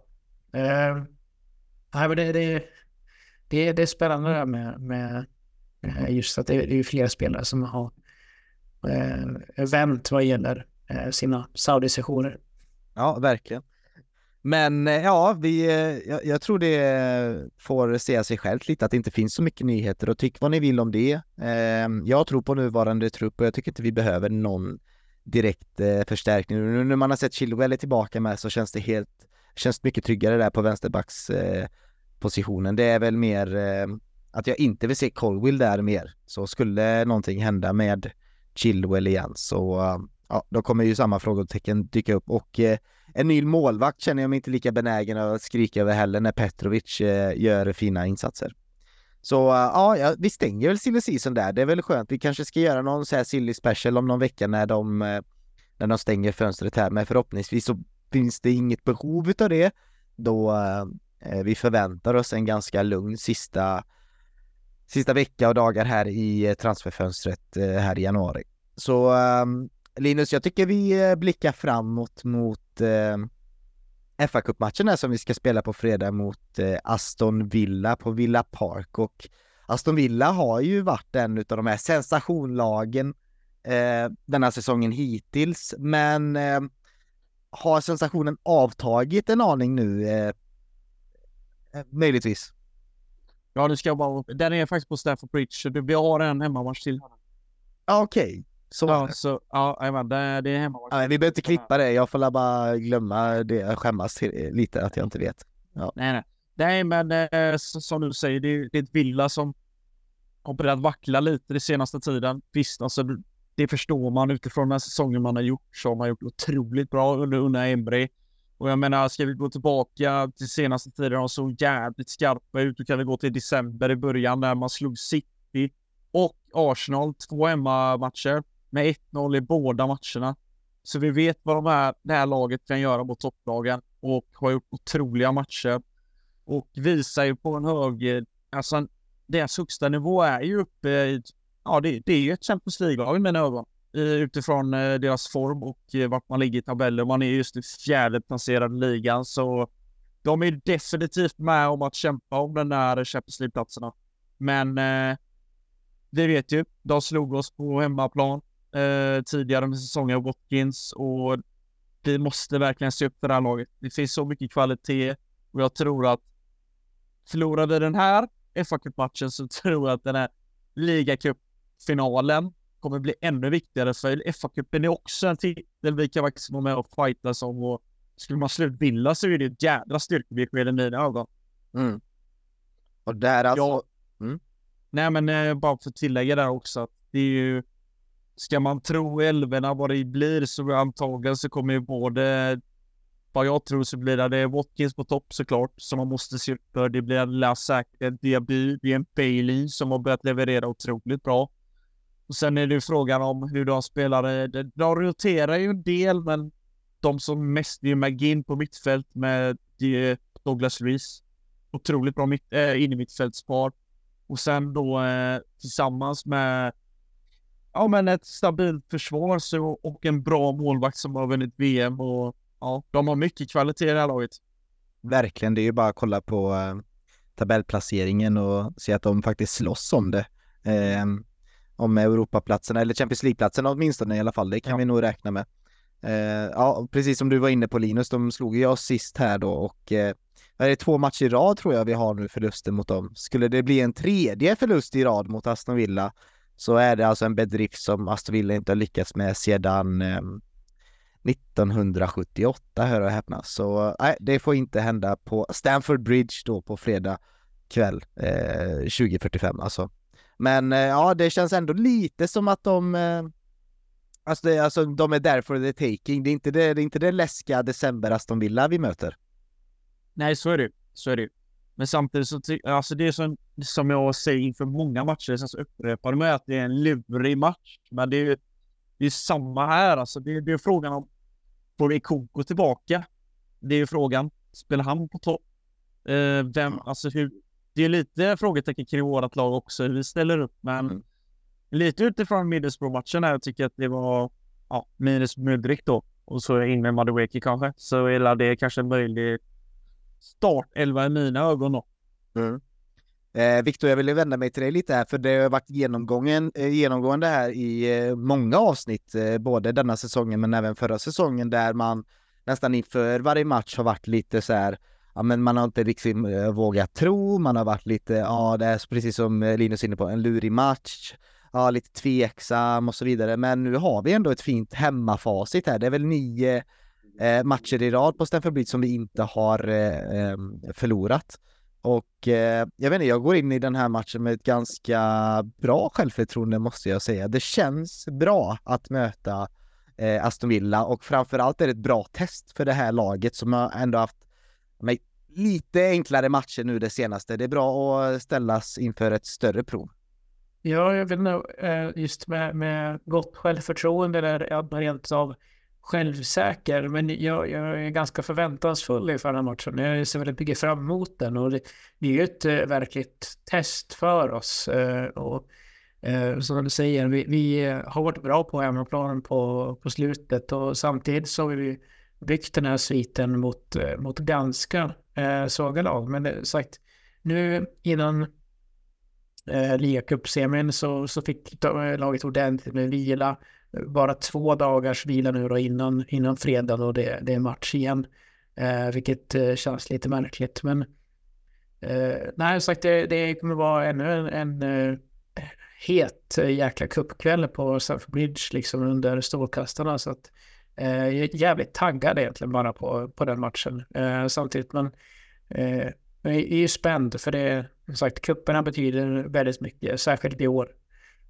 Ja, och verkligen, och i och med den här vinsten mot Fulham, eh, Borough och kanske då Aston Villa så, eh, eller kanske, vi ska inte ta händelserna i förväg här, men jag minns det precis innan Fulham-matchen så kändes det som att, åh fan, de här fyra nästkommande matcherna är lite eh, eh Pochettino kan ryka här om inte det går bra, eh, framförallt i ligacupen då. Eh, och kanske till och med mot Fulham med. Men eh, det har blivit en jäkligt fin bounceback tycker jag och eh, ja, mycket tyder på att eh, ja, men det är fortsatt framgång för det här laget och det, man märker också att det byggs en harmoni kring truppen och fin kemi mellan spelare. Eh, men sakta men säkert som sagt, det är några hinder på vägen där eh, innan, innan vi är eh, fullt fram. Men eh, sen väntar ju en väldigt stor match i Liverpool som vi kommer snacka upp nästa vecka då. Men eh, ja, det här är sista hindret innan Premier League-äventyret fortsätter. Så är det. Eh, och eh, ja, det har sagt, eh, det har varit en eh, intressant månad. Eh, så är det midweek-match igen kommande vecka mot, mot Liverpool. Så att det, Det finns inga lätta matcher i, i Premier League. Jag ska på... Det blir nästa vecka som jag ska över och kika mot Wolverhampton. Därefter så får jag vara lite egoistisk så har det varit fint om vi utöver finalplatsen liksom kunde vinna mot Villa också så att den här hypen börjar gå, rulla igång på riktigt eh, inför mitt nästkommande Stafford Bridge-besök. Mm. Klart du ska vara eh, egoistisk tycker jag här. Eh, Linus, eh, vad du, tack för förutsättningarna där. Vad, vad tror du om matchen då? Vad, vågar du ge dig på något eh, resultat och förväntad matchbild? Kommer Chelsea ta takten? Jag tror faktiskt vi vinner här med 2-1 blir det. Vi kommer nog ta tag i det som du säger.